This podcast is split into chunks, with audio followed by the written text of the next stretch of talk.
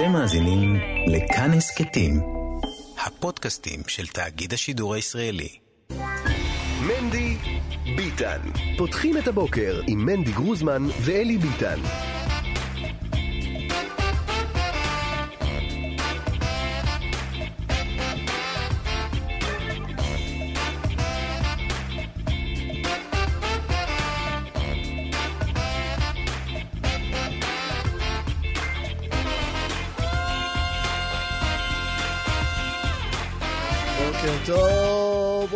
טוב, יום ראשון בשבוע, בוקר טוב לכם, מאזינים ומאזינות. אה, מן הסתם אתם אה, נמצאים בדרכים, אה, רובכם, חלקכם נמצא בבית, מיעוטכם ממש כבר נמצא במשרד.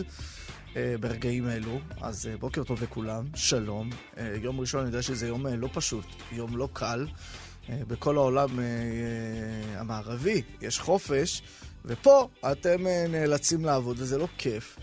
אה, ואנחנו, גם, גם לנו, אה, לא, לא הכי כיף לקום ביום ראשון בבוקר. ספציפית היום היה לי כיף לקום, אבל אה, באופן כללי, העייפות הכוללת, אתה מגיע לעבודה, אתה, אתה רואה את הפנים של האנשים, אפילו בדרך לעבודה. אתה נוסע באופניים, אתה רואה את הפרצופים של האנשים, זה פרצוף של גורלי, לא שפר עליי. עד הצהריים זה כזה מתאזן. יום שני כבר אתה רואה את, יותר קבלה על הפנים של אנשים, יותר מקבלים את הסיטואציה שאנחנו חיים. אז אה, אנחנו ננסה בשעתיים הקרובות ככה איכשהו לפטפט על נושאים שאולי קצת ישכיחו מכם את העובדה שרק אתמול נחתם בשבת וסעדתם ושרתם והתלבטתם אם אה, לחטוף עוד שעת שינה פה ועוד שעת שינה שם ורק יום לפני היה יום שישי שהוא היום הטוב בשבוע ולפני זה היה יום חמישי שבו חשבתם על יום שישי. כל הדבר הזה נגמר ועכשיו יחלפו עוד ארבעה ימים, אה, לפחות עד שיגיע יום חמישי, ורק אז שישי. אבל בעזרת השם אנחנו אה, יחד, בכוחות אה, מחודשים, ננסה להתלכד, וגם אם המצב רוח לא יעלה, וגם אם לא נשמח, וגם אם לא נתנחם על העובדה שסוף השבוע נגמר, ושבוע חדש מתחיל, לפחות נהיה ביחד בעניין הזה. וזה משהו, יש בזה איזושהי נחמה, נחמת שוטים אה, לכל העניין הזה. אז בוקר טוב, אנחנו אה, מכירים שפעם אחת היה, ינובר, אתה מכיר את זה שפעם אחת היה שריפות בברזיל, היה איזה יום אחד שהיה שריפה בברזיל, והיה אה, הפיכה בצ'כוסלובקיה, אה, זרקו שם מישהו מהחלון, והיה עוד איזשהו עניין ב... אה, אני יודע מה, במזרח התיכון קרה איזשהו משהו, והכותרת בעיתון, בדבר, אמרו, רצו לתת כותרת, לא ידעו מה, מה מכל שלושת האירועים ראוי לכותר, לכותרת הראשית. גם שם קרה משהו חשוב, וגם שם קרה משהו חשוב, וגם שם, ואז הכותרת הראשית הייתה העולם כמרקחה. מה קשור בין צ'כוסלובקיה לברזיל? אין קשר. העולם כמרקחה. בלגן בעולם. אז אנחנו, גם אצלנו, ביום הזה, הבוקר הזה, חדשות הבוקר הזה, אפשר להגיד העולם כמרקחה. אז אנחנו באופן כללי הולכים לחלק את התוכנית הזאת אה, לשני חלקים. חלק שחלק מכבודו ליראיו וחלק שחלק מכבודו לבשר ודם. כלפי מה הדברים אמורים? שחלק מכבודו לבשר ודם? תראו, ביידן, נשיא ארצות הברית, אה, המנהיג אה, העולם המערבי, אחד המנהיגים החשובים ביותר בעולם, מגיע לפה השבוע, מחר, ואנחנו נהיה על זה. אה, אז ביידן זה נושא אחד. ג'ונסון, נשיא בריטניה, ממלכה מאוחדת, הוא מתפטר מתפקידו. לא נשיא ראש הממשלה, נשיא, הנשיא, אין שם נשיא, יש מלכה. ראש ממשלת בריטניה מתפטר מתפקידו, זה היה נראה אה, ראש ממשלה חזק במיוחד. שלוש שנים הוא הצליח לכהן בתפקידו, הצליח להעביר את הברקזיט. טיפוס מאוד מאוד צבעוני, מאוד מאוד מעניין, אבל הוא הולך הביתה, אתם יודעים למה הוא הולך הביתה?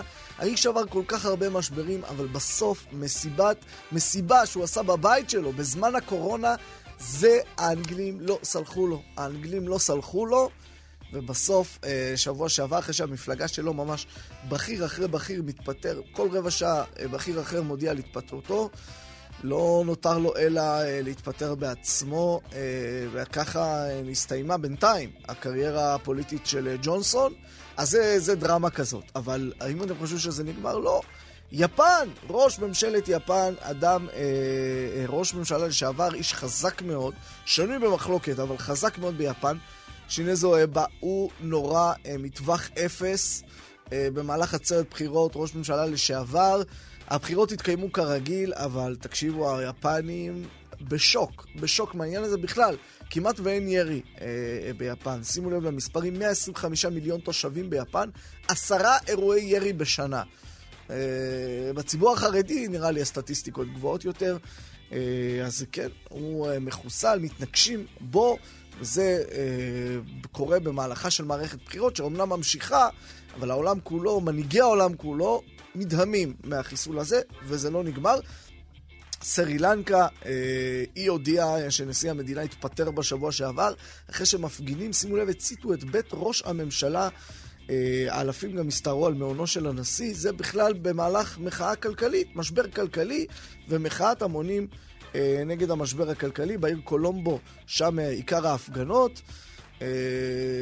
ראש הממשלה אמר אני אתפטר, זה לא עזר, התפרצו אליו הביתה ושרפו את הבית. אנחנו ננסה להבין מה קורה שם, מה זה המחאה הזו, בדיוק הפיכה, אי אפשר לקרוא לזה הפיכה, אבל מחאה אה, קשוחה מאוד ברחובות בסרי לנקה. אז בקיצור, העולם, זה העולם, זה החלק של העולם, ואין מה לעשות, התקבצו היום הזה לחדשות. אה, עניינים מכל העולם, העולם כמרקחה, העולם סוער. למרות שאין קשר אה, בין המקרים המדוברים, אנחנו אה, ננסה קצת, מה, ש, מה שיאפשר לנו הזמן, ללמוד כל אחד מהמקרים וללמוד מה נפקא מינה באמת אלינו. את פתח השעה הבאה נקדיש לתחקיר מעניין, מרתק, מקומם מאוד של שירה אלק. במגזין ליברל, היא, חוקר, היא חוקרת את העניין הזה של החיידרים והונאות שעושים מנהלי חיידרים, כל מיני הונאות. למשל, כיתה א', שיש 100, למעלה מ-100 ילדים בכיתות א', וזה בכמה כיתות. מסתבר שבעירייה רשומים רק 20 ילדים. כל הילדים, 80, רוב הילדים רשומים בכלל כגן. למה הם רשומים כגן? כי, כי, כי בגן מקבלים יותר כסף. אז uh, קודם כל נלמד על השיטה הזאת, השיטה הזאת חוזרת גם בכיתה ח'-ט'. ונלמד האם בכלל מישהו מרוויח מזה. מסתבר שאף אחד לא מרוויח. בסופו של דבר כולם מפסידים מהעסק הזה. אה, זה יפתח לנו את השעה הבאה. אבל בחלק אה, שחלק אה, מכבודו ליראיו, הרב חיים גדליה צימבליסט, אחד מגדולי הדיינים בעולם היהודי, חבר בית הדין הגבוה, אב בית הדין בתל אביב, הולך לעולמו בגיל 92 ביום חמישי שעבר, רב צימבליסט, ש... היה דיין חשוב, אנשים לא... זה, זה תלמידי חכמים גדולים. מצאנו כבר בגיל 18, הוא קיבל אה, אה, אה, פרס אה, אה, לעילוי מצטיין, היה פרס אז משרד התרבות חילק, היה ועדה של ראשי הישיבות שהחליטה מי העילויים המצטיינים של אה, עולם הישיבות הליטאי, והוא היה אחד מהם והוא קיבל את הפרס הזה, זה היה ממש, רק תראו את הוועדת הפרסים שם, הייתה מכובדת, דיין חשוב מאוד עם פסיקות תקדימיות.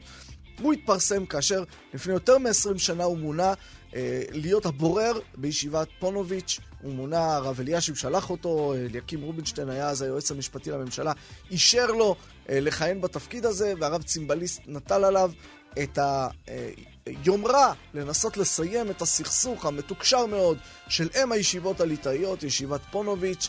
אה, והוא אה, ניהל את הבוררות הזו ופרסם פרסם פסק בוררות ראשון. אה, והפסק הזה הופר, אה, ואז הוא פרסם פסק שני וגם הוא הופר. בסופו של דבר, לפני שנה בתמוז, אה, שנה שעברה, תשפ"א, הוא פורש מתפקידו כבורר בכאב גדול, מפרסם מכתב כואב מאוד. שנה אחרי הפרישה שלו, הוא הולך לעולמו. אנחנו נלך גם בשעה הזאת, גם בשעה הבאה, קצת בנבחי הרב הזה.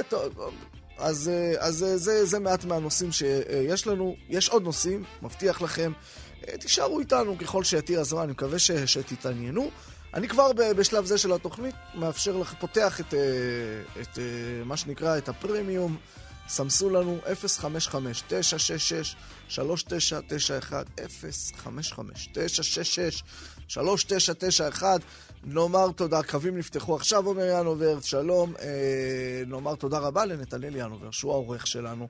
אה, יחד איתו בתחקירים טל ניסן, תודה רבה לאירה וקסלר על ההפקה, ניהול השידור, ושרון לרנר על הביצוע הטכני. מנדי ביטן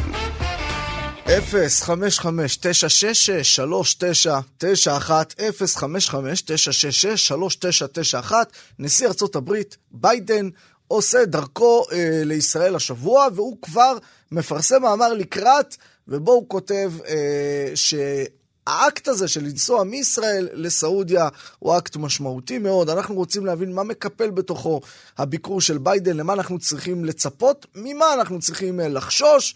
אה, ועוד כל מיני פרטים מסביב. שלום ובוקר טוב לכתב המדיני של וואלה, ברק רביד. בוקר טוב. שלום, אה, אה, דבר ראשון, אותה, אותה כותרת של ביידן על הטיסה מישראל לסעודיה. אנחנו יודעים שסעודיה וישראל, מאחורי הקלעים, פרחים ושושנים, אבל מול עיני המצלמות, שלום לא יכול לקרות עדיין. זה לא משתנה. כן, זה לא ישתנה, אני גם באמת לא חושב שביידן אמר, כתב במאמר משהו חדש שלא ידענו. באמת רק, זה רק הוכיח לי שוב עד כמה אה, בתקשורת הישראלית אין שום קשר בין התוכן לבין ההחלטות ה... האם לשים משהו בכותרת ראשית או לא. אתה חושב שהמאמר הזה של ביידן, לא- המאמר, הטור הזה של ביידן לא היה צריך להגיע בכלל אפילו לכותרת ראשית? הוא, עוד פעם, הטור הזה, זה, זה בדיוק מראה את הבעיות בתקשורת הישראלית, הפרובינציאליות, חוסר ההבנה הבסיסית בכל דבר שלא קשור לנו פה, בביצה הקטנה שלנו. המאמר של ביידן בכלל לא עסק בישראל. הוא, ישראל הייתה מוזכרת בשורה. הוא בכלל עסק במשהו שונה לגמרי, וזה בניסיון להדוף את הביקורת הפנימית בארצות הברית על עצם העובדה שהוא נוסע לסעודיה. ולכן המאמר הזה התפרסם גם בוושינגטון פוסט. מדוע בוושינגטון פוסט? כיוון שאותו ג'מאל חאשוקג'י, בעל טור שנרצח על ידי הסעודים בקונסוליה הסעודית באיסטנבול לפני ארבע שנים, כתב בוושינגטון פוסט, ומאז הוושינגטון פוסט מנהל קמפיין נגד סעודיה כבר ארבע שנים, והוושינגטון פוסט הוא גם מוביל את הקמפיין נגד ביקור ביידן בסעודיה. ולכן היה את אותו מאמר, ולכן הוא הופיע בוושינגטון פוסט, ולכן גם הכותרת שלו ממש... הייתה, רגע, ולכן גם הכותרת שלו הייתה, מדוע אני נוסע לסעודיה, ולא מדוע אני נוסע לישראל. מדהים, מדהים, כי אני, אני חייב להגיד שצר, שקראתי על הטור הזה ושמעתי גם ברדיו בדרך לכאן, ובאף מקום לא היה בכלל את ההקשר הזה, זה היה נשמע לי איזה מאמר שהוא מסביר על ישראל. ברור, היית בטוח שביידן כתב טור על הביקור שלו בישראל. זה לא, מאוד מזכיר לא... לי את האתרים החרדים, שביידן יכול להגיע לישראל, ואז כאילו הכותרת באתר החרדי תהיה, יש עוזר בפמליה שהוא למד פעם בישיבה זה וזה, והוא... בסדר, עכשיו בסוף, עכשיו למה, למה בכל זאת ישראל הוזכרה? כי הזווית הישראלית משמשת את ביידן כדי להכשיר. הכשרה למדוע צריך לנסוע לסעודיה, כי הוא אומר, תראו, אפילו הישראלים ביקשו ממני לנסוע לסעודיה, והנה העובדה שאני אטוס מישראל לסעודיה זה מראה על צעדי נורמליזציה וכולי, שזה אגב הכל נכון, כן? רק אני אומר, זה רק נועד כדי לשמש כתירוץ או נימוק מדוע הוא נוסע לסעודיה, שזה החלק היותר חשוב בביקור שלו, והמוקד של הביקור בסעודיה הוא קשור למילה אחת, ולמילה הזאת קוראים נפט.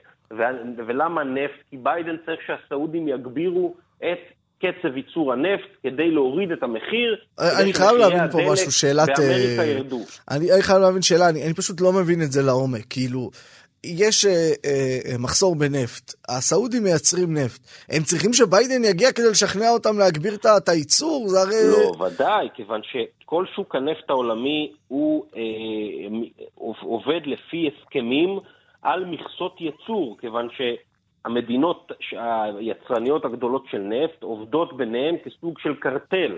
ולכן אה, כל דבר כזה צריך להתקבל בהסכמה על ידי כולם, וכשמדינה אחת, במיוחד סעודיה, שהיא אחת ממפיקות הנפט הגדולות בעולם, שהיא משנה מדיניות ומגבירה את קצב הנפט ומורידה את המחירים, זה משפיע על כל המדינות האחרות שמייצרות נפט. אה, ולאף מדינה הרי שהיא יצרנית נפט לא רוצה שהמחיר ירד, כי אם המחיר יורד אז היא מפסידה כסף. ולכן הדבר הזה חשוב, ולביידן הוא צריך שמחיר הנפט ירד, כדי שמחיר הדלק באמריקה ירד לפני הבחירות בחודש נובמבר, כי זה הדבר שהכי מטריד את האמריקאים, וזה כשהם הולכים, האמריקאים רגילים ללכת לתחנת הדלק ולמלא, באמריקה ממלאים דלק בגלונים, לא בליטר. גלון זה לדעתי בין 4 ל-5 ליטר. Mm-hmm. וכשהמחיר של גלון אה, אה, של דלק עולה להם יותר ממה שהוא עלה אי פעם בחמישים או שישים שנים האחרונות, אז הם מסתכלים ואומרים מי אחראי לזה? הנשיא אחראי לזה. ולכן לא נצביע לו ולמפלגה שלו בבחירות בחודש נובמבר. אז, אז ביידן בעצם גומל לסעודים בביקור, בתמורה לכך שאולי הם יגבירו, יסכימו להגביר את הייצור, ובכך להוריד את המחירים, אבל אתה יודע, אני רוצה לחזור איתך לנקודה שאמרת על הכותרת שהייתה, ואמרת, זה דברים, הדברים שביידן אומר הם דברים ידועים בהקשר הזה של ישראל. ואז אני רוצה לשאול על כל הביקור הזה, האם, האם בביקור הזה צפוי להיות משהו שאנחנו לא יודעים, משהו חדש, משהו משמעותי, או שזה פשוט לחזור על אותם הדברים, וזה לא כל כך משמעותי, או לא כל כך נקודת ציון שאפשר לדבר עד אליה וממנה? תראה, אני, אני תמיד מזכיר לעצמי ש... מה שמידת העיסוק שלי בנושא היא הרבה יותר גדולה משל האדם הממוצע, ולכן יכול להיות שלאדם הממוצע, שהוא יעקוב אחרי הביקור, יראו לו הרבה דברים חדשים, כן? אבל באופן כללי, האם הולך להיות איזה משהו מגה דרמטי בביקור הזה בהקשר של ישראל? לא ממש. הדבר היחיד, ושגם הוא לא חדש, כי אני דיווחתי עליו כבר לפני כמה חודשים, ואחרים אה, הוסיפו פרטים, וזה אותו אותה עסקה הברית מנסה לתווך בה בין ישראל לסעודיה, ישראל, סעודיה ומצרים, על אותה עסקה שבו, שבה תושלם העברתם של האיים טיראן וסנפיר ממצרים לסעודיה, ותמורת אה, אה, ערבויות ביטחוניות לישראל, וצעדי נורמליזציה קטנים מצד סעודיה כלפי, אה, כלפי ישראל, שזה צעדים כמו מתן רשות לטיסות של חברות תעופה ישראליות לעבור במרחב האווירי של סעודיה בדרך להודו ולסין, בדרך למזרח, ודבר שאולי הוא עוד יותר משמעותי, שזה טיסות ישירות עבור עולי רגל מוסלמים ישראלים, מישראל לסעודיה, לעלייה לרגל למכה ומדינה, אבל מה זאת אומרת, דבר... הטיסות הללו יהיו למוסלמים בלבד? הם יהיו למוסלמים בלבד, כיוון שבמכה ומדינה לא כניסה של לא מוסלמים. להיכנס, mm-hmm. בדיוק, ולכן זה יהיה רק למוסלמים, אבל זה שוב, זה, במידה וזה יקרה, זה דבר סופר אה, חשוב למאות אלפי ישראלים שכל שנה, אה, בימים האלה בשנה, אה, עושים את העלייה לרגל אה, למכה ומדינה, לחאג' ולאומרה, mm-hmm. ועד היום היו צריכים להיסחב או באוטובוסים או בטיסות דרך ירדן, שהיו מאוד יקרות. אה, ועל הדרך עשו עליהם כל מיני עסקנים, עשו עליהם, גזרו עליהם קופונים ועמלות, והדבר הזה עכשיו עשוי להיות הרבה יותר פשוט והרבה יותר זול. אבל מה שמת... שאתה מתאר זה, זה, זה נורמליזציה דה פקטו, אם לא דה יורו. אה, אני, אני חושב שעוד פעם, זה, זה, זה, אני מתאר מה שנקרא, מה שבבית הלבן קוראים לו מפת דרכים לנורמליזציה. כלומר, אתה לא, זה לא כמו ישראל ואיחוד האמירויות, שאתה עושה איזה קפיצה אחת גדולה ומתחיל אה, ביחסים נורמליים. זה משהו שהוא מאוד מאוד איטי, אה, ומתחיל בצעדים מאוד קטנים, כדי שאולי בעוד שנה, שנתיים, שלוש, נוכל להגיע ל... לעשות את השלב האחרון. הסכם רשמי, בדיוק. אתה אומר, הספורט אה, הסעודי שונה מהספורט האמירתי. אני רוצה לשאול אותך על מערכת היחסים בין ביידן אה, לממשלת ישראל, ראש ממשלת ישראל בממשלת המעבר, אה, יאיר לפיד, אבל גם לפני זה בנט, היה נראה שלבית הלבן יש איזשהו אינטרס או איזושהי אהדה אה, לממשלה הזו, למה שאנחנו קוראים ממשלת בנט-לפיד, והבית הלבן מוכן אפילו לפעמים, בוא נגיד את זה, בזה, לסתום את הפה כשצריך כדי לא להפריע לממשלה לעבוד. אני חושב שעוד פעם, זה היה די ברור מהיום הראשון, שהאינטרס העליון והדבר שעמד בראש סדר העדיפויות של ביידן ביחס לישראל זה שימור ממשלת בנט-לפיד. אה, זה היה האינטרס העליון, וכל דבר אחר במדיניות החוץ האמריקאית שקשור לישראל הפך להיות משני. אה, ולכן אה, לא שמענו את ביידן כמעט מתבטא בנושאים שבמחלוקת, כמו התנחלויות, כמו דברים אחרים שקשורים לנושא הפלסטיני. לא הייתה כמעט ביקורת אמריקאית על ישראל בשנה האחרונה, אה, והדבר הזה, כל עוד, ככל שזה תלוי בביידן, אה, יימשך, ואני מעריך שבבית הלבן אומנם לא יגידו את זה, כן? אה, אף אחד לא יגיד את זה, אבל די ברור שהם היו רוצים לראות את, הם היו רוצים לראות ממשלה נטולת נתניהו גם אחרי הבחירות הקרובות. כן, ופה אנחנו מגיעים באמת לשאלה הגדולה שלנו כאן במזרח התיכון. Uh, הפלסטיני, שאלה פלסטינית, וביידן מגיע בעיצומה של סערה פלסטינית-אמריקאית-ישראלית בעקבות הרג העיתונאית שירין אבו עקלה, שהיא גם אזרחית אמריקאית, והחקירת ההרג שלה, הרצח שלה, מסעירה גם את ישראל, בטח את הפלסטינים, אבל גם מגיעה לאמריקאים. מה יקרה בזירה הזו? אז אני חושב שהאמריקאים הרי בשבוע שעבר אה, פרסמו אה, איזה שהם ממצאים של בדיקה שהם קיימו, אה, שהתבססה גם על בדיקה בליסטית של הקליע שהרג את שירין אבו עקלה. הבדיקה הזאת הסתיימה בתוצאות לא חד משמעיות, ולא ניתן לקבוע מאיזה נשק הקליע הזה נורא. מצד שני, האמריקאים כן קבעו שתי קביעות, לפיהן, אחד, שירין אבו עקלה קרוב לוודאי נהרגה מירי ישראלי, שתיים, הירי הזה קרוב לוודאי לא היה מכוון. זאת אומרת, הרגיזה את שני הצדדים. ודאי, הם הרגיזו את שני הצדדים, שאגב, אני חושב שבסכסוך הישראלי-פלסטיני, כשגם ישראל וגם הפלסטינים לא מרוצים, כנראה שזו התוצאה הכי טובה שניתן להשיג. אמ, ובסופו של דבר, האמריקאים אה, נמצאים תחת ביקורת, אני חושב, לא פשוטה, בעיקר מתוך המפלגה הדמוקרטית אה, בארצות הברית. אה, שגורמים שהם אה, האגף היותר שמאלי של המפלגה הדמוקרטית. מה, מבקרים את תוצאות הבדיקה?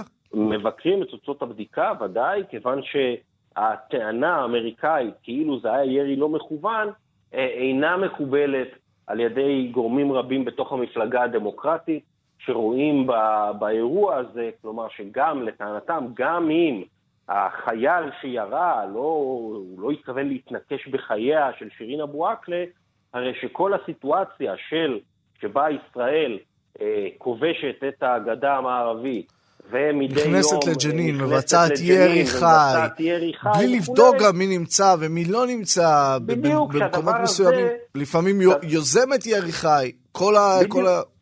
בדיוק, אז הטענה היא שההקשר הרחב הזה לא בא לידי ביטוי הודעה האמריקאית. אז יכול להיות שבגלל הביקורת הזו אה, כנגד ביידן, הוא יצטרך בעצם לעשות צעדים, אה, מה שנקרא, לקראת הפלסטינים, או שזה לא, קשור לקונסוליה בירושלים, או דברים לא, לא, לא, לא, לא צפויים איזה שהם דברים דרמטיים בנושא הפלסטיני בביקור הזה.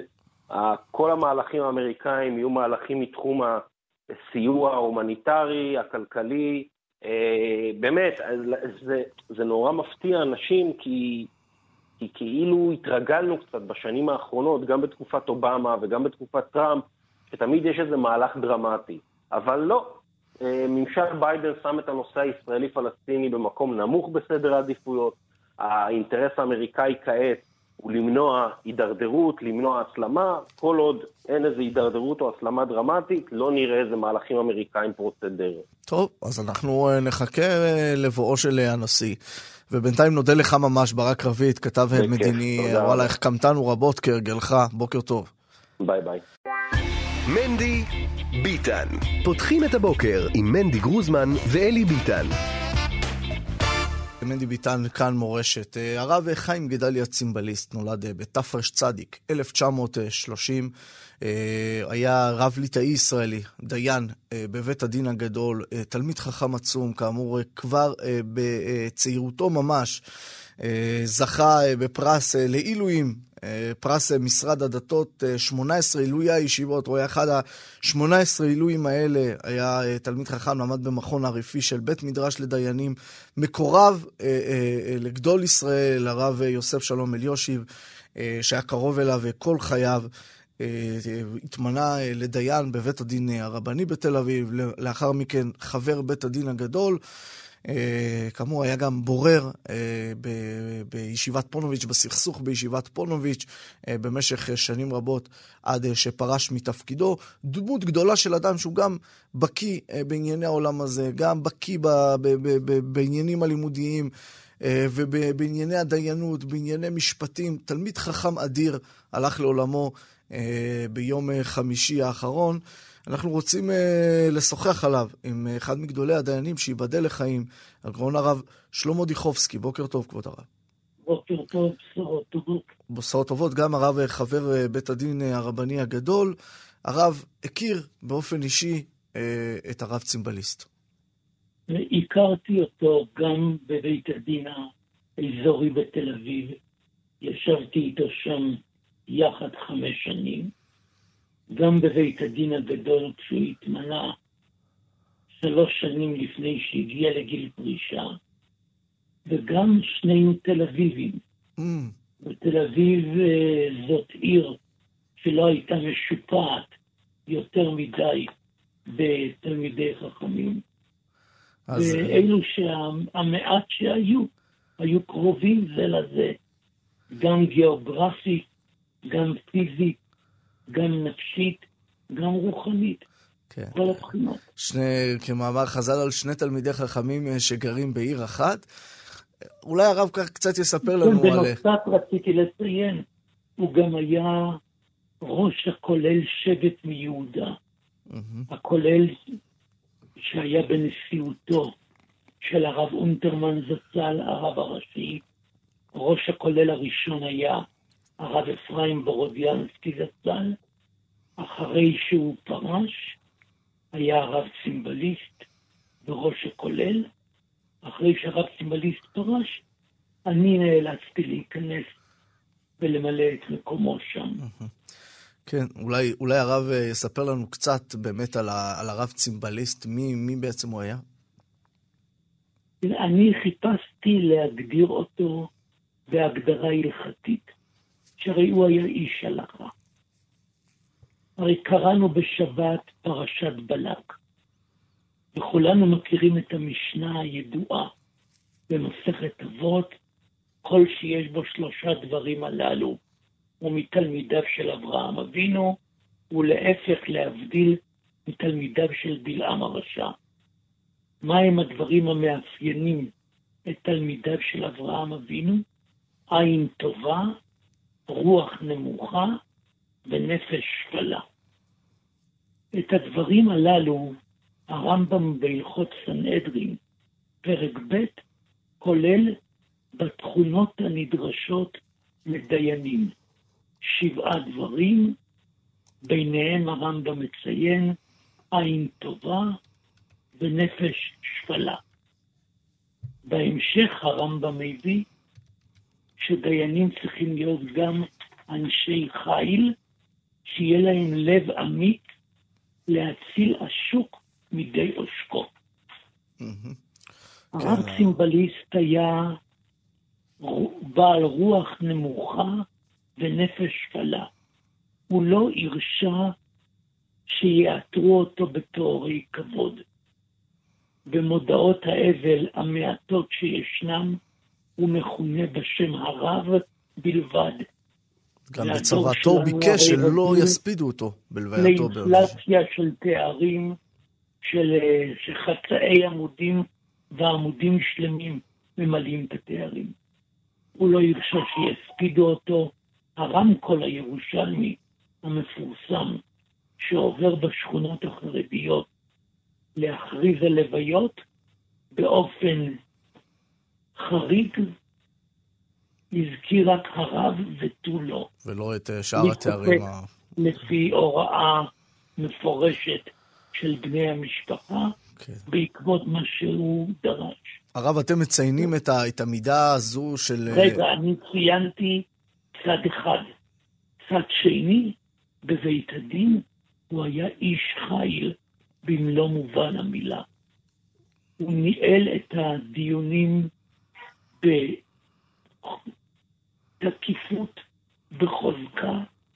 אנשים לא העיזו להופיע בפניו ולנסות להסתיר דברים או לא לומר את האמת. הוא לחם מאוד להציל השוק מידי עושקו, וזו הייתה המלחמה שלו, גם בבית הדין האזורי, גם בבית הדין הגדול. Mm-hmm. אלו לכאורה שתי תכונות הפוכות.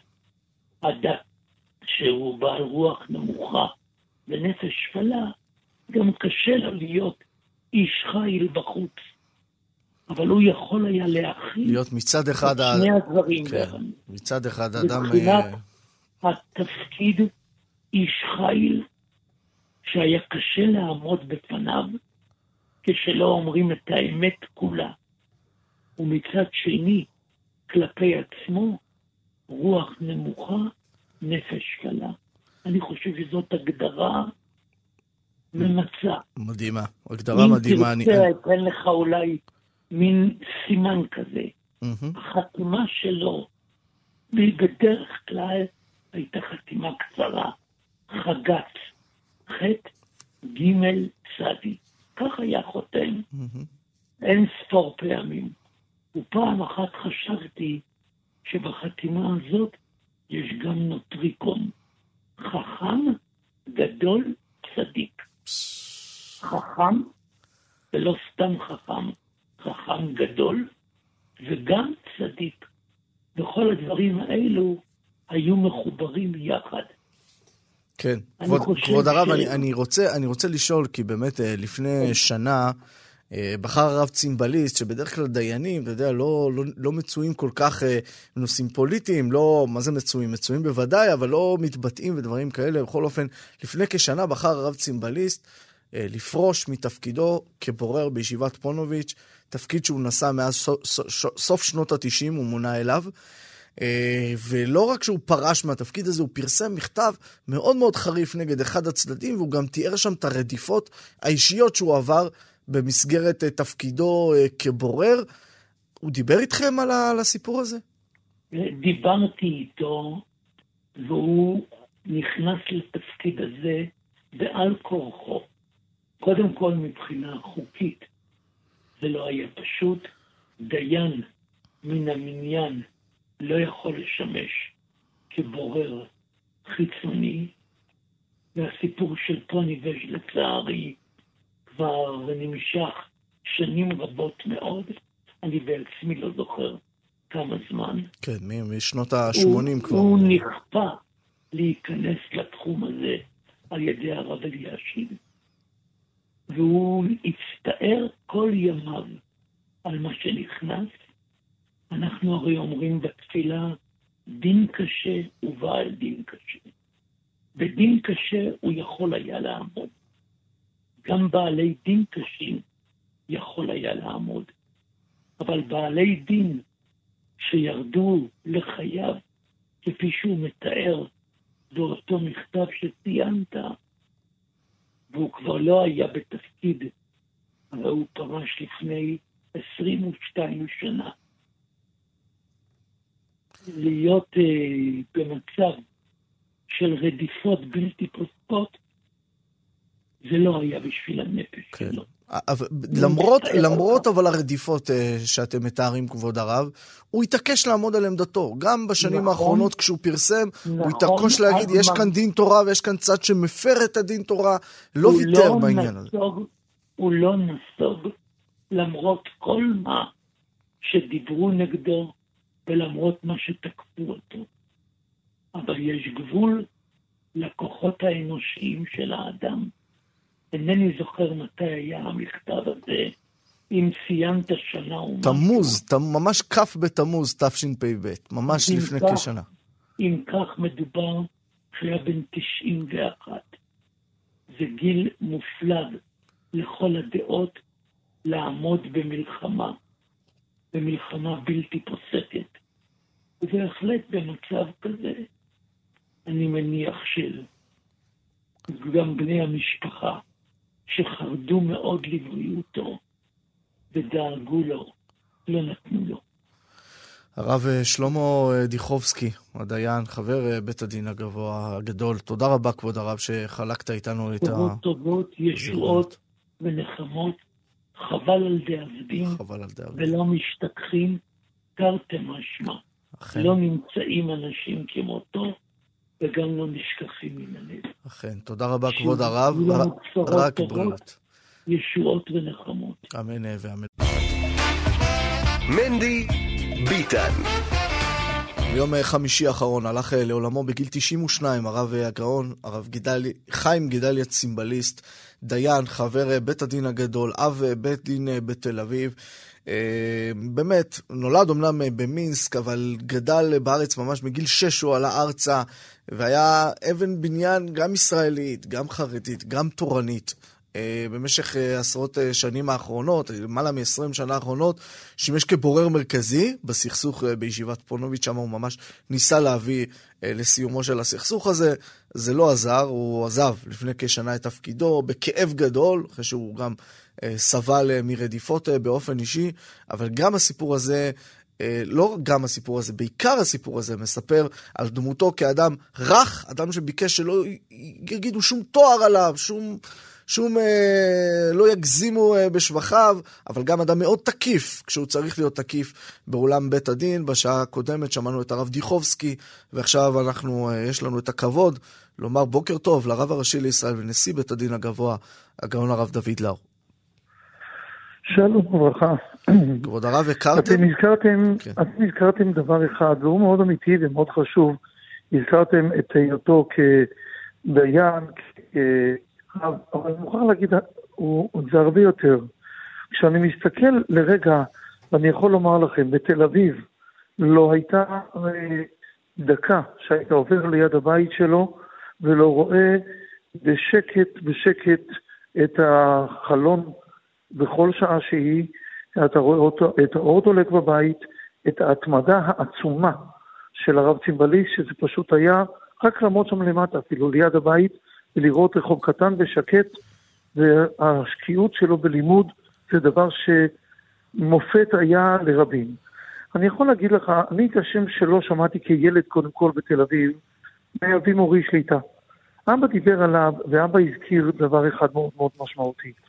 אבא אומר, הגעתי כילד צעיר אל אולתיו ש"י לישיבת כל תורה, וידעתי שבירושלים לא היו אז כל כך הרבה ישיבות באותן השנים, אבל הייתה ישיבה אחת משמעותית מאוד כבר אז, ישיבת חברון, ובישיבת חברון היה ברור שישנם שניים, שני האריות, שני גדולי התורה של שני הבחורים הטובים ביותר, שהם לכאורה דבר והיפוכו, אבל הם היו חברותה, ולשמוע את שניהם דנים בלימוד, זו פשוט הייתה מ- תמונה מיוחדת במינה.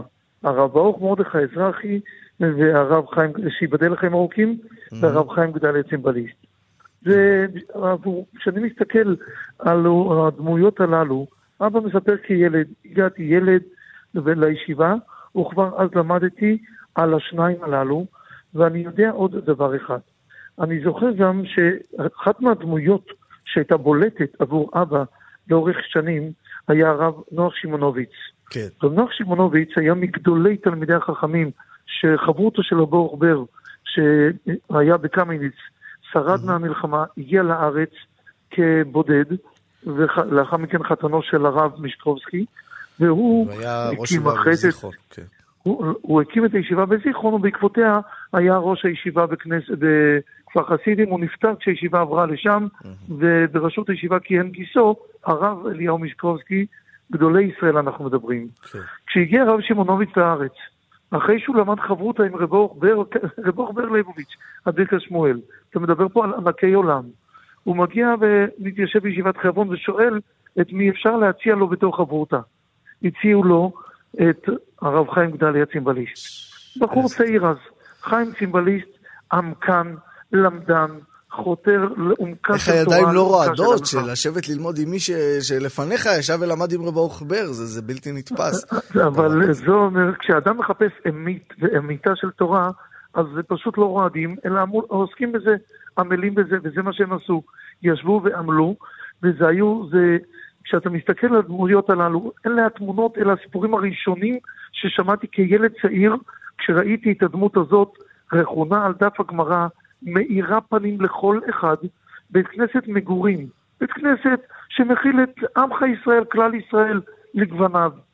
יושב שם הרב צימבליסט בצניעות, עם מאור פנים אל כל אחד ואחד, כך שכאשר אתה מדבר על דמות, לבוא ולהזכיר דווקא את החלק של הבורר, ברור שכולם ראו אותו כי ידעו שהוא מיוחד במינו, ותורתו היא תורת אמת.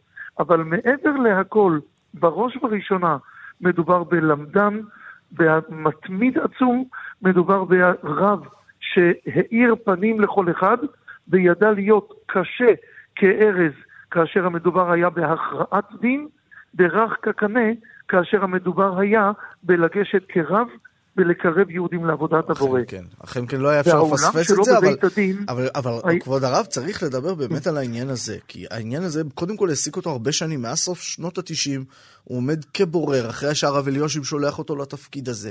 היועץ המשפטי לממשלה מאשר את המינוי הזה. הוא ממש מנסה, מפרסם פסק אחרי פסק, עד שהוא פורש בכאב לפני כשנה, מפרסם מכתב שאנחנו לא רואים דיינים כותבים מכתבים כל כך כאלה, כל כך כאובים על רדיפות אישיות שהוא עובר, זה פרק משמעותי מאוד. אני לא חושב שזה פרק משמעותי במחילה, מסיבה פשוטה אחת. בסופו של דבר, מי שחושב שמאז שהוא מונה ועד עכשיו זה היה הנושא המרכזי שהעסיק אותו, פשוט לא הכיר את היהודי. זה ממש לא היה הנושא המרכזי, העסיק אותו לאורך כל שנותיו. העסיקו אותו דיני תורה, העסיקו אותו דברי אה, לימוד, העסיקו אותו לומר שיעורים בכוללים, בישיבות, ולהאדיר את הראשונים גם בביצה וגם בחולין, ולהאדיר אותם בצורה קבועה, כך שאנחנו מדברים קודם כל על מי שמרכז חייו, מרכז עיסוקו, זה בית המדרש. זה הדבר הראשון לפני הכל. ואת זה אי אפשר לשכוח, ואני יכול לציין דבר אחד. אברך צעיר הייתי לפני אה, ב-25-27 שנים, הוא עוד כיהן אז כדיין, בדיוק אז אבי מורי שליטה התאמץ להביאו לבית הדין הגדול, אחרי שהאולם שלו בתל אביב היה סמל ומופת לניהול דין בדייקנות, בישרות, ואבא הביא את הדמות הזאת לבית הדין הגדול. מגיע הרב צימבליסט ומכריע בדברים, ואני זוכר בסוגיה של מתנות שאיש נותן לאישה, והזוג היה נשוי זמן קצר, אני אברך שיושב בסוגיה ולומד, וראיתי פסק דין שלו, שמפורסם בפסקי הדין הרבניים, והיו לי עליו כמה וכמה תמיהות וכמה קושיות, וסברתי שהמסקנה צריכה להיות אחרת. כתבתי לו מכתב. היהודי טורח להתקשר אליי, למצוא את הטלפון שלי בבית, להתקשר אליי, ולומר לי, אתה צודק במאה אחוז, אני באמת עומד לפרסם פסק, לפרסם דבר, ולכתוב שכל מה שכתבתי, אני חושב שצריך לפרש אחרת. שים לב לצניעות של גדול תורה, יהודי שבמכתב פשוט, בכתב יד בשניים, שלושה עמודים שאני כותב לו, והוא... אה, כן, נכון, אתה צודק, אני חוזר בי. אתה מדבר פה על אישיות שאתה רואה את ה... תורה מעדנת ומייחדת את האישיות הזאת. אז את הדמות הזאת אני זוכר, והיא זו שעומדת מול עיניי, כשאני נפרדתי בכאב גדול מהרב חיים גדליה צימבליסט, זכר צדיק לברכה. הגאון אה, הרב אה, דוד אה, לאו, הרב הראשי לישראל, נשיא בית הדין הרבני הגדול. תודה רבה, כבוד הרב. תודה לכם על הזכות לדבר על כבודו. מנדי ביטן עכשיו אנחנו אה, ננסה אה, ללכת קצת בעקבות אותה בוררות אה, מפורסמת, אולי הבוררות המפורסמת ביותר בעולם הליטאי, הבוררות שניסתה לשים סוף לסכסוך בישיבת פונוביץ' בבני ברק. גילוי נאות, אני למדתי בישיבת פונוביץ' באחד הצדדים, בצד שבראשות הרב מרקוביץ', אני כבר עושה את הגילוי הנאות הזה עכשיו. אבל אנחנו עכשיו נלך בעקבות הסיפור ההיסטורי הזה, נאמר ישיבת פונוביץ', אם הישיבות אה, בארץ, ספינת הדגל של הישיבות הליטאיות בארץ, אם אנחנו מסתכלים על עולם התורה, עולם הרבני, למעלה מ-80% מהעולם הרבני זה אנשים שלמדו אה, בישיבת פונוביץ' או, ב, או תלמידיהם של מי שלמדו בישיבת פונוביץ', אני מדבר על העולם הליטאי והספרדי, אבל גם בעולם החסידי יש נוכחות משמעותית מאוד. אה, בשנות ה-80 פרץ סכסוך בישיבה. אה, הסכסוך הראשון נפתר, אבל מיד נולד סכסוך חדש. הסכסוך הזה חילק את הישיבה למחבלים, לסוינים, ולקראת סוף שנות ה-90, בלחצם של גדולי ישראל, מונה הרב צימבליסט להיות הבורר אה, בסכסוך הזה, הבורר בין שני הצדדים, בין צד הרב כהנמן לצד הרב מרקוביץ', שני הגיסים. אה, הרב צימבליסט, אחד מבכירי הדיינים בישראל, נקרא לכך על ידי הרב אלישיב. היועץ המשפטי לממשלה אישר לו להתמנות כבורר, היה שם דרמה שלמה.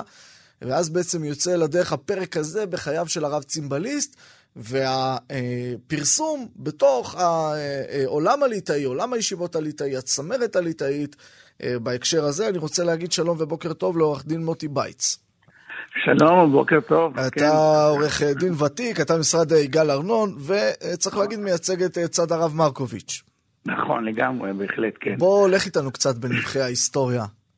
נתחיל בהיסטוריה, כפי שאתה אמרת לפני כן, שהיה נדרש אישור מיוחד של היועץ המשפטי לממשלה אה, למנות את הרב צימבליסט, זכרונו לברכה, כבורר, כי אז הוא עדיין היה עובד מדינה, היה דיין בבית הדין הרבני הגדול. כשהיינו לא מזמן בבית, באחד מהסבבים בבית המשפט העליון, אז שופט בית המשפט העליון, אה, השופט יקים רובינשטיין, הוא אמר לנו, הוא זה שנתן את האישור לחרוג מהנוהל הרגיל שלפיו אה, דיין, אה, בוודאי בבית הדין הרבני הגדול, לא נכון. עוסק בבוריות, אבל פה הוא נתן לו את האישור מתוך מגמה ותקווה, זה יעשה קצת סדר בדברים. כן. עכשיו, אני הבנתי אה, שהרב כשווליד ביקש שלא להספיד אותו, לא בלוויה ולא בשבעה ולא בשלושים. כן, אבל אתה יודע, לא... אתה יודע מה, כן. איך אנחנו, אנחנו הרי רגילים שיש את הבקשה נכון. הזאת, אז אומרים, נגיד, נכון, למעשה נכון. בחב"ד בכלל אסור להספיד במנהג, אז אומרים, לא מספידים, אבל רק אומרים כמה דברים, וכבר אה, נכנסים. נכון, אבל אני אגיד יותר פשוט, לא, אני לא אדבר עליו, אני אדבר על פסקיו. כיוון שמפסקיו ניכרת גבולתו, הבאמת הבלתי נתפסת.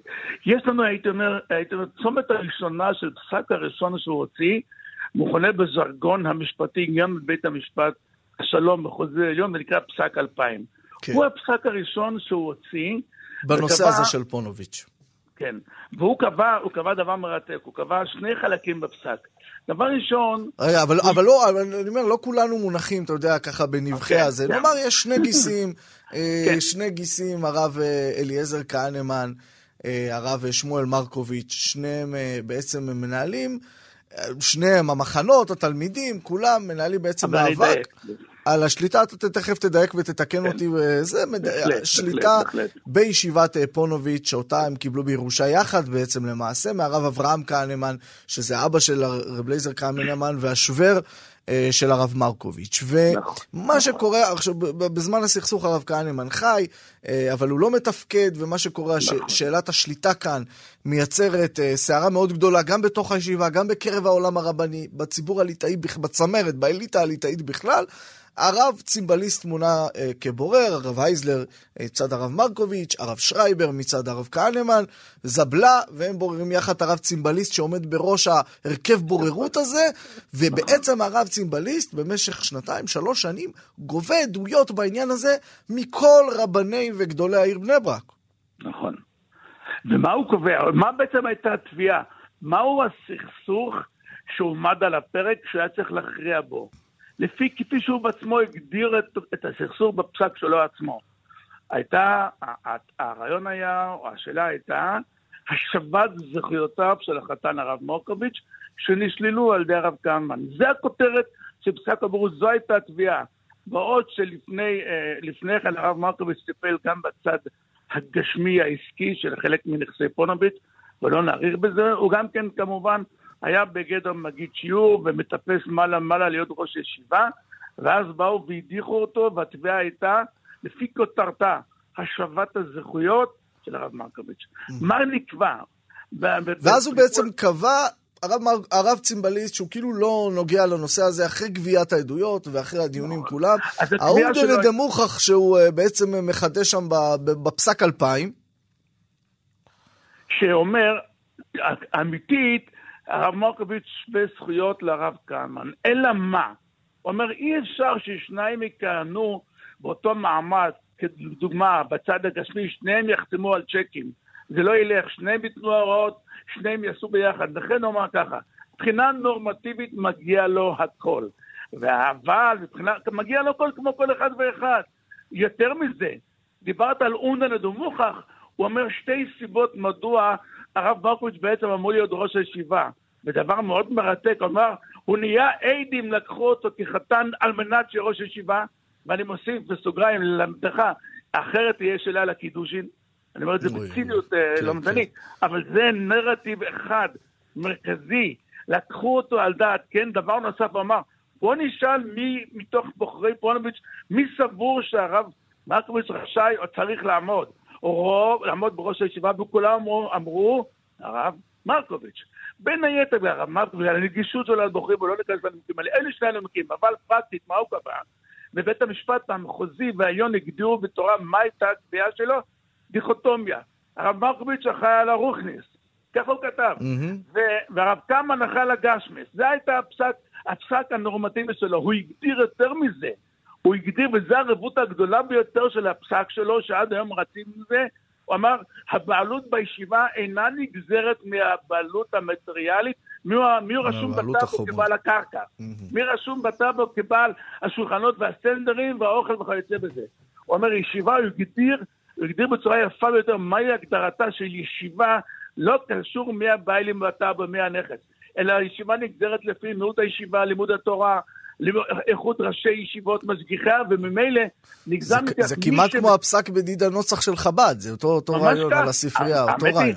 ממש כך. אבל בוא תראה לאן הביא, מה קרה לאחר מכן? בא הצד שמונה על הגשמס, אומר קום תוכוי, שאני אחראי על הגשמס, הגיש תביעת פינוי של הרב מרקוביץ וכל מי שתומכים בו, כפשוטו, בבית המשפט. כן. מה אמר בית המשפט השלום המחוזי והעליון? תחזרו לבורות. אומר עוד דבר, קום תוכוי, שאני אחראי לגשמס, אתה לא זכאי לאכול, תשלם למה שאכלת עד עכשיו. הגיש תביעה של 12 כן. מיליון שקל. וזה, וזה תכף כל... נגיע לשלב הזה, אבל בעצם היה את הפסק, אתה אומר פסק 2000, אבל אה, אחרי פסק 2000, נגיד שנה או שנתיים, הצדדים אולי איכשהו הצליחו לשמור, אבל הוא שנתיים וחצי, שלוש שנים אחרי הפסק. בערך עד 2005, עד התחילה הקטסטרופה, יצאו בחצוצרות ובכל ובתרועות, שהצד של הרב קמן אמר, אנחנו מודלים בזה על ביטול, על מותו של פסק 2000. ממש ככה, בהצהרות. הביאו תומכי של גדולי ישראל, חוץ כמובן מהרב אליושיב, שאמר לרב, אה, הוא גרם לכך שהרב טיבליסט ימשיך לעבוד ולכהן ולבוא אליו, הייתה, היה פסק זמן גדול מאוד של כמה שנים שלא רצו להתנהל בפניו. הצד השני, עד שבית המשפט, כל הדרגות של בתי המשפט החזירו את הכל חזרה לסכסוך לבורות, ואז באו חזרה לבורות ואמרנו, כבוד, הרב, כבוד הרב טיבליסט, בוא תעקוף את הפסק שלך. יש פה תביעת פינוי, שהעבירו לשיטתך, העבירו את זה לפתחך. יש פה תביעת האזנה, זה הביטוי, תביעת הפינוי זה זה מי שאחראי לגש, אז אמרתי, תפנו אותו, אנחנו לא רוצים אתכם פה. ומי שרצה, ומי שאחראי לגש, א', הפסיקו לתת דיחויים לצבא, לאחר, כל מי שנוהר אחרי המערכת לא יקבל דיחוי בצבא כדי להעיף אותם משם, והגישו תביעה כספית של 12 מיליון שקל, אני מדבר לך לפני 15 שנה. כל זה חזר חזרה לפתחו של הרב צימבליסט, ואז הוא בא והסביר ממש זה פסק על 2014. וזה בעצם כלומר... הפסק השני בנושא פונוביץ', נכון. פסק 2014, אחרי נכון. שההפרה נכון. מתרחשת בשנת 2005, תשע ואלה. שנים אחר כך, כן. נכון. ומה אומר בעצם, ומה היה הפרשנות של הרב צובליסט, לא עצמו, שגם בית המשפט קיבל את זה, הוא אמר, כשאני קבעתי שאתה אחראי לגשמס, זה לא רק לחלק שלך, זה הגשמס של כל פונוביץ'. עכשיו, אני קבעתי שהרב מרקוביץ' אחראי לרוחני, זה לא רק של, של הצד של הרב מרקוביץ', אלא מה? אתה לא יכול לאכוף את הצד הרוחני, נכון? מה תגיד, כולם לבואו לשמוע שיעורים וגם להבין וגם לאהוב? זה אני לא יכול לאכוף. כן. אבל את הגשמס, תן להם לאכול.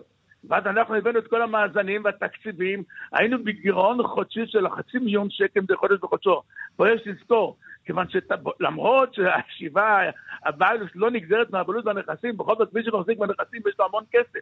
גם לשלם לעורכי דין, גם לנהל מלחמות עולם, מה שנקרא, המון המון כסף, ואנחנו לא מקבלים כלום. אז הוקמה עמותה נוספת כדי לקבל את הדיווחים בצבא, כיוון שהצבא לא עובד אה, סתם באוויר אלא בעמותה. הצבא הסכים שגם הרב מרקוביץ' יתערב פונוביץ', אלא מה ההבדל? הוא יהיה עם גרש מעל הצד צפית למעלה. אתה מבין את ההבדל? זה פונוביץ' בלי גרש, וזה פונוביץ' עם גרש. אגב, אם אני צוחק כאן לעצמי תמיד, גם לי קוראים בית עם צדיק, אז יש בנות, בנותיי כותבים גרש למעלה, ואני נגד זה, זה לא עוזר לי. בית. אז הנה שלך, כן. ממש ככה. אז אני, אז, אז, אז, אז מה הפסק אמר? הראינו את הגירעון החודשי, זה היה פסק ביניים, זה עוד לא נגמר, כן. למה גם... אז הוא אמר, אנחנו אמורים לקבל חצי מיליון שקל לחודש. מדי חודש בחודשו. אלא מה? הם, בצד השני, בלי להיכנס כרגע לפרשנות, איך עשו את זה, נאבקו גם בפסק הזה, ובית המשפט העליון בתורו ביטל את זה, ופה יש איזה דיוק מסוים. השופט המחוזי, השופטת המחוזי קבע שבגלל שהרבנים לא מסתדרים, שניים מאחד השלישי שהם העמידו, הוא הגדיר את זה כנבצרות, זה היה חידוש עצום, כאילו חידוש פונוביצ'י, מה ההגדרה של נבצרות? הוא אומר, אם שני ברורים לא מסתדרים השלישי, יוצא שזה נבצר, ואז היא אומרת, מכאן ואילך אל תעבדו יותר, אל תסיימו את המלאכה. הגדרה חדשה של נבצרות, ואני טענתי בבית המשפט העליון, לא שייך להגיד, נותן את הכרטיס הנבצרות לנבצר עצמו, בית המשפט העליון, ושוב חזרנו. אבל מה שמסתבר, אתה לא יכול לאכוף על בורות מי שלא מעוניין באמת. אבל למה? בסופו של דבר, אם uh, לבוררות יש כוח של, uh, בסופ... של, של הסכמה בין שני הצדדים, של הסכם uh, חתום, אז, נכון. אז בסדר, אז גם אם הם לא מקבלים את פסק הבוררות, הצד השני, ויש לו בעיה עם זה, בסופו של דבר זה מגיע לבית משפט, והפסק הזה הוא מחייב, לא ככה? אבל מה שקרה, שבזמן שנתן פסק אחרון, הבורר השלישי עשה כל מיני מלחמות עולם, והוא לא התייצב. מתי שצריך להתייצב, הוא אמר שהיה חולה, הוא החלה את עצמו, יש לו ילדים קטנים, צריך ללכת לגן, לבית ספר, כל מיני דברים כאלה. כן. אז תכל'ס, בסוף הוא ניתן בלי שהוא נכח בדיונים עצמם, מה שנקרא. הם עשו מעין חרם על הבורות, ואי אפשר לאכוף את זה. בשורה התחתונה, בסוף באנו אחרי מלחמות עולם, בבית המשפט מינה את כבוד, בהסכמה את כבוד הבורר דוד חשן, שופט בדימוס, הוא בורר מעולה, וכל מה שעשינו עד עכשיו, בעצם ממשיכים מכאן ואילך. רגע, אז אני רוצה להבין, שנייה רגע, בואו בנקודת כן. הזמן. לפני כשנה, בכ' בתמוז תשפ"א, מפרסם הרב צימבליסט, זכר צדיק לברכה, מכתב כואב מאוד, שבו הוא כן. פורש מהבוררות. אה, ומספר על הרדיפות האישיות שהוא עבר לאורך השנים נכון. בתפקידו אה, כבורר. הוא מאשים את אה, צד הרב כהנמן ברדיפות הללו. בעצם עם רגע הפרישה של הרב צימבליסט, איפה הדברים עומדים? מה, בסופם של הדברים בית המשפט מינה בורר אחר, לא זבנה, אלא מינה את השופט דוד חשין בדימוס, הוא שופט בדימוס, שהוא קרוב אה, לעולם הישיבות, אבל השאלה המרכזית הייתה, האם עליו לפסוק לפי דין תורה? אנחנו, הרב מרקוביץ', רצה תמיד ללכת רק לפי דין תורה, לכן הוא לא נתן לנו ללכת לבית נכון. המשפט. אז מה אמרנו אבל הרב דוד חשין, השופט דוד חשין, שהוא בא ממשפחה מאוד אה, ידועה, משפחה חסידית, מסורתית, כן. הוא לא מחויב לפי דין תורה. הוא יפסוק לפי הדין הרגיל שהוא מכיר, עם אהדה לדין תורה. עד כדי כך התדרדרנו, מה שנקרא. כן, גם מצד הרב כהנמן עתר כדי אה, בעצם נכון. אה, לפסוק נכון, על פי לא דין כללי. דין תורה. השאלה לא, אבל, רגע, אני רוצה להבין משהו. אם יש בוררות והיא חתומה, אז גם על פי דין לא דין תורה, הבוררות הזאת יש לה תוקף של חוק. זה נכון, אבל הרי הבוררות לא הסתיימה. לא, אני מדבר על פסק אלפיים. כן, פסק 2000 הוא קיבל תוקף של פסק דין בצורה פורמלית רק ב-2014, והוא באמת מחייב. אלא מה, בלי להיכנס ללמדנות היצירה, הוא לא מספיק אופרטיבי לדוגמה. אם הצד הרב מרקוביץ רוצה לבנות פנייה על שטח הישיבה, יכול לעשות את זה או לא. הפסק רגע, שותק. רגע, אבל אם אנחנו, לצורך העניין, פסק 2000, הוא לא פותח את מה שהיה לפני פסק 2000, השופט חשי. נכון, נכון. אז עכשיו, אם אחרי פסק 2000, אם אנחנו רואים הפרה מצד צד מסוים, אז אפשר לתבוע מהצד השני שהוא מפצה על ההפרה, קודם כל? זו הטענה שאנחנו טוענים במהלך שלנו. דיברנו מהו הסטטוס של הבורות נכון לתשפ"א, תשפ"ב. מה המחייב נכון להיום? כן. אז ברור שפסק 2000 הוא המחייב. פסק 14, מאחר והוא לא אושר, הגדרנו אותו, שמבחינת דין תורה הוא מחייב, כן, הדיינים פסקו. אבל מבחינת המשפט החילוני, הוא לא, הוא לא קיבל תוקף של פסק דין, ולכן הוא לא מחייב, אבל הוא מנחה. ואז מתחילה מלחמת עולם להבין מהו, איך מפרשים את פסק 2000, ופה מה שיש פה נקודה מרתקת, למה? פסק 2000 ניתן על פי דין תורה. היום שופט שלא פוסק על פי דין תורה, צריך לבאר ולפרש ולמצוא את ההשלכות של פסק 2000 של בית תורה, למרות שהוא עצמו לא פוסק לבית דין תורה. Mm. כן. אתה אומר, הסבא חרדי, הנכד כבר לא כל כך. ברור, אבל יש משהו וורט יותר חריף, וזה באמת שנורא כואב לנו לאורך כל הדרך. אנחנו יודעים בתמצית, כשאתה בא לבית משפט בישראל, יש חזקה ששופט יודע דין ישראל. האם יש חזקה שיודע דין אנגליה או דין, דין הודו? התשובה היא לא. אז אם רוצים להוכיח בפני השופט מה אומר דין הזר שהוא לא מכיר, אז צריך להביא ראיות של מומחים לדין הזר. Mm. האם דין תורה בארץ ישראל הוא דין זר? לחורה לא, לחורה לא, אבל באמס כן, זאת אומרת, אני אומר, אז איך אתה מסביר? בכל זאת שידע מה אומר דין תורה, אם יבואו צד א' יסביר לו ככה, וצד ב' יסביר לו ככה, הדבר אני אפרש אותו מתוכו, כמו שהרב צימבליסט כתב את זה לא למשהו לשמאי, הוא פירט את זה לפרוטות, יחסית, אמר, הוא אחראי על הגשמיאס, גם שלי, אנחנו באים וטוענים, אבל מאחר והוא לא נותן לנו את הגז... אבל למה צריך, למה צריך להביא הוכחה, להביא אנשים שיסבירו את פסק 2000, אם הרב צימבליסט בעצמו בפסק 2014 הסביר את פסק 2000. אבל הוא לא יישם אותו. לא, בסדר, אבל אתה רוצה לדעת מה חשב הבורר. הנה הוא כתב בעצמו ב-2014, מה הוא חשב. נכון, אבל הבורר, אבל הרב צימבליסט לא המשיך בשלב זה חוץ מפסק 14. אז אני אומר באמת, כמו שאתה אומר, לי, בפסק 2014 הוא הסביר ברחל בתך קטנה מה כתוב בפסק 2000. אבל בית המשפט לא נתן בתוקף של פסק דין, לכן אני בהחלט בדעה שפסק בורות 2000 מדבר בעד עצמו. ואפילו פסק בורות 2014, שלמרות שלפי החוק הישראלי... לא, לא תוקף לא כמו פסק 2000. כן, אבל הפידינטרם, וזה מה שקבוע, זה קובע לכל דבר בעניין. ובסך הכל, במה מדובר בסופם של דברים? מה ההבדל? ואני שואל, אמרתי את זה גם כן לבית המשפט העליון, מה ההבדל בין שני הפלגים אמיתית? אתה בא לבדוק האם לומדים גמרא בצורה אחרת, התשובה היא לא. האם הם לבושים בצורה אחרת? התשובה היא לא. כלומר, מבחן הנראות, אין, אין נראה הבדל בין זה לזה. אז מה, אז, אז מה, מה, מה היתרון שיש לצד א' על צד ב'? בזה שהוא רשום כביילים, זה הדבר היחיד. מה מקור התביעת הפינוי? לא בגלל שאתה לא לומד טוב. מה, אני הביילים, ככה נקבע, לך מכאן.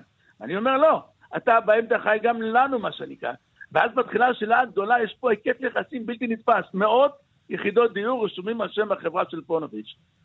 בתי קברות על שם החברה של פונוביץ', מניות. אנחנו, הרב מרקוביץ', אם תסתכל על איזה ציר גודל והולך, על ציר הזמן, כשהוא התחיל, כי התחיל אסור באלפיים, היה לו מספר קטן, היום יש לו 900 בחורים וזה 800 אברכים, ואין לו מקור, זאת אומרת, והנכסי פונוביץ' לא מהווים מקור להחזקה שלהם, יותר מזה. הרב קמן הגיש את התביעה בשם חברת פונוביץ', מי הסמיך אותו להגיש תביעה בשם הישיבה כנגד ראש הישיבה. היכן mm. נשמע שגוף רוצה להסיר את הראש מעליו? הרי הוא ראש הישיבה, ככה נקבע.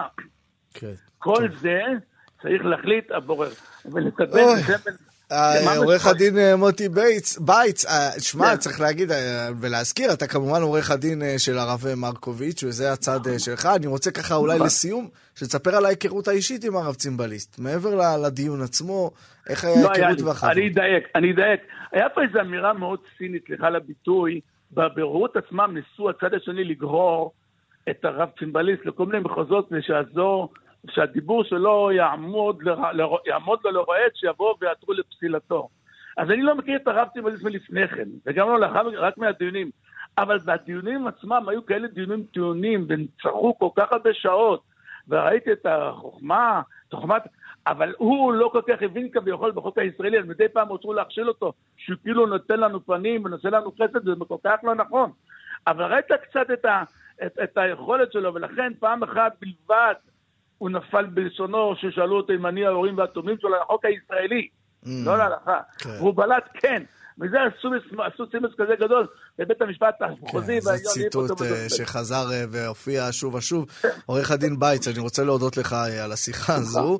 העמסת עלינו בפרטים, אבל אתה יודע, אנחנו מכירים ויודעים וחיים את זה, אבל טוב, נקווה שהמאזינים ככה החכימו משהו. תודה רבה לך. בוקר טוב. מנדי ביטן. פותחים את הבוקר עם מנדי גרוזמן ואלי ביטן. שימו לב, האייטם הבא, אה, לדעתי יהיה לכם הרבה מה להגיד עליו. אה, שימו לב לא לעשות את זה בנהיגה. רישום כוזב של תלמידים לגני ילדים, תוספת שנה לנייר, מוסדות שאינם קיימים, מתחת לאף של משרד החינוך מתנהלת לכאורה תעשיית ענק של תרגילים ומשחקים ברישום במוסדות החינוך החרדים. תחקיר של שירה אלק בליברל חושף שיטה אה, שעולה למדינה אה, אה, מאות מיליוני שקלים. אוקיי, זה חלק אחד אה, בבעייתיות שלה, אבל אה, גם לא נותנת שום דבר, לא לתלמידים, לא למורים. אולי עוזרת קצת למנהלים, אבל גם לא להורים שלמרות הקומבינות האלה ולמרות הכסף אה, שאולי מצליחים ככה אה, למשוך עוד קצת, אה, נאלצים לעמוד בתשלומי הורים גבוהים הרבה יותר ממה שמקובל בחינוך שהוא לא חרדי, אפילו אם הוא מוכר שאינו רשמי, אבל על התחקיר הזה ועל הגילויים המדהימים, שלום ובוקר טוב שירה אלק, ליברל. בוקר טוב, שירה אלק. אלק, אלק, אני מצטער. אין בעיה. ממש מצטער, כי גם כשהצגתי את האייטם בתחילת השעה אמרתי אלק. בקיצור, תמחקו את כל האלק, תכנית, תשימו לי אלק במקום. שירה, אה, תחקיר אה, מעניין מאוד, נ, נאמר רגע, גם גם עבודה, מה שנקרא, ממוסמכת, אבל גם הלכת בעצמך. בואי תספרי לנו. אמ, אז ככה, אז נקודת המוצא הראשונית שהתחלתי ממנה באמת הייתה ההבנה שיש קפיצה לא הגיונית אה, בכמות הילדים במעבר מכיתות א' לב' בבתי ספר החרדיים. אמ, ומשם בעצם יצאתי לדרך בניסיון להבין מה עומד מאחורי זה, מה ההסבר, וגם צריך בעצם אה, לתקף כל הסבר שמגיעים אליו ולשלול אפשרויות אחרות.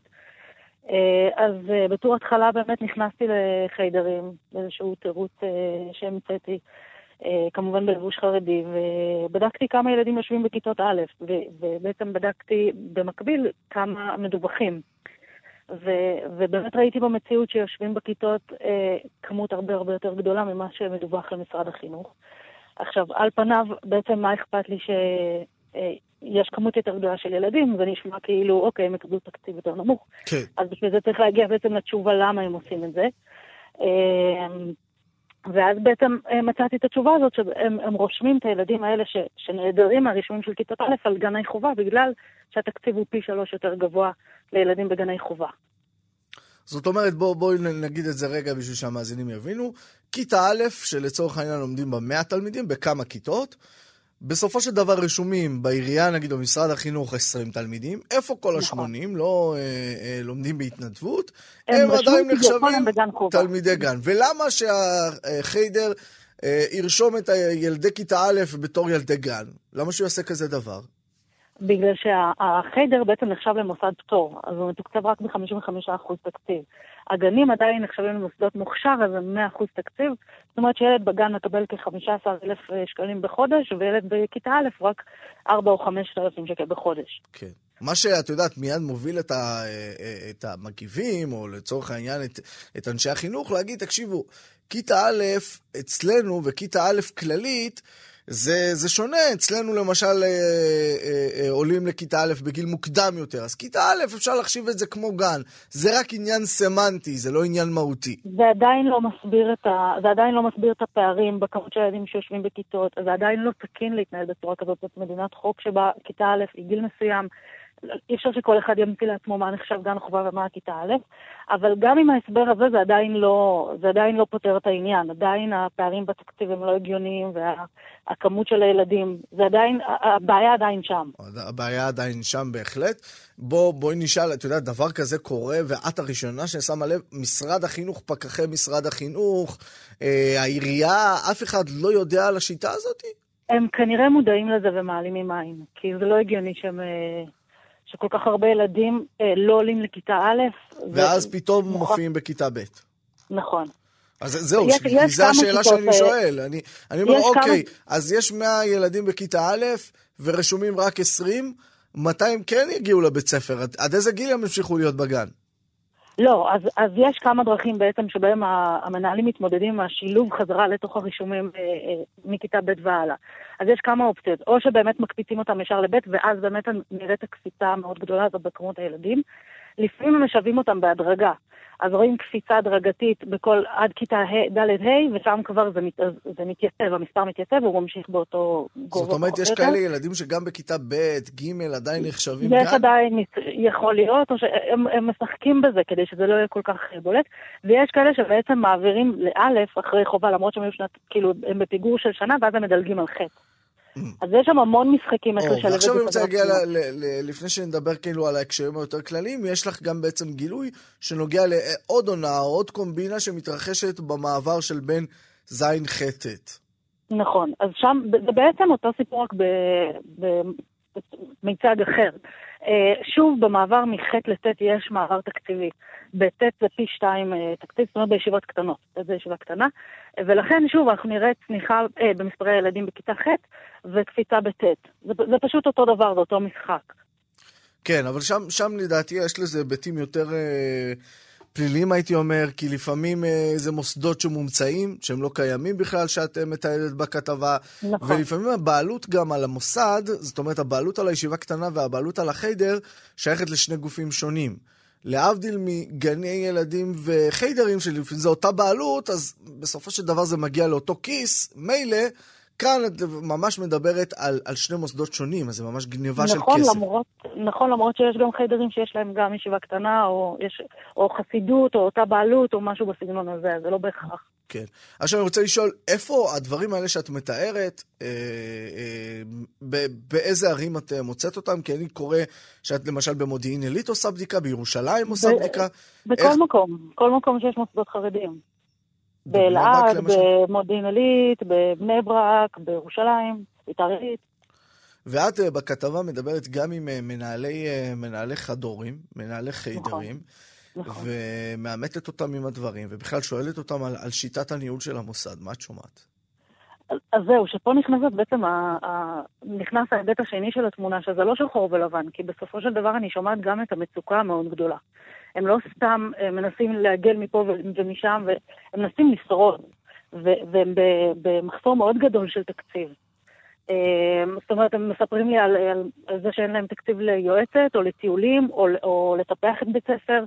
אז זה הצד השני של הסיפור, זה לא נותן הצדקה למעשים האלה, אבל כן נותן את התמונה היותר רחבה. כן, זה, זה אותו, הייתי אומר גם בתור מי שגם כמוך גדל באותה מערכת, בסופו של דבר, אה, זה אותו סיפור.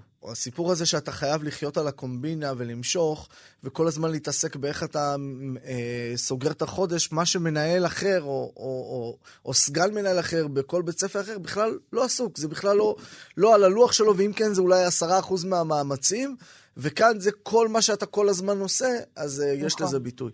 את חושבת שיש לה, לקומבינות האלה גם ביטוי על, על, על, על התלמידים עצמם, או שהם לא מודעים למה שקורה מעל הראש? אני לא חושבת שהם מודעים, לא, אני לא חושבת שהם מודעים לזה.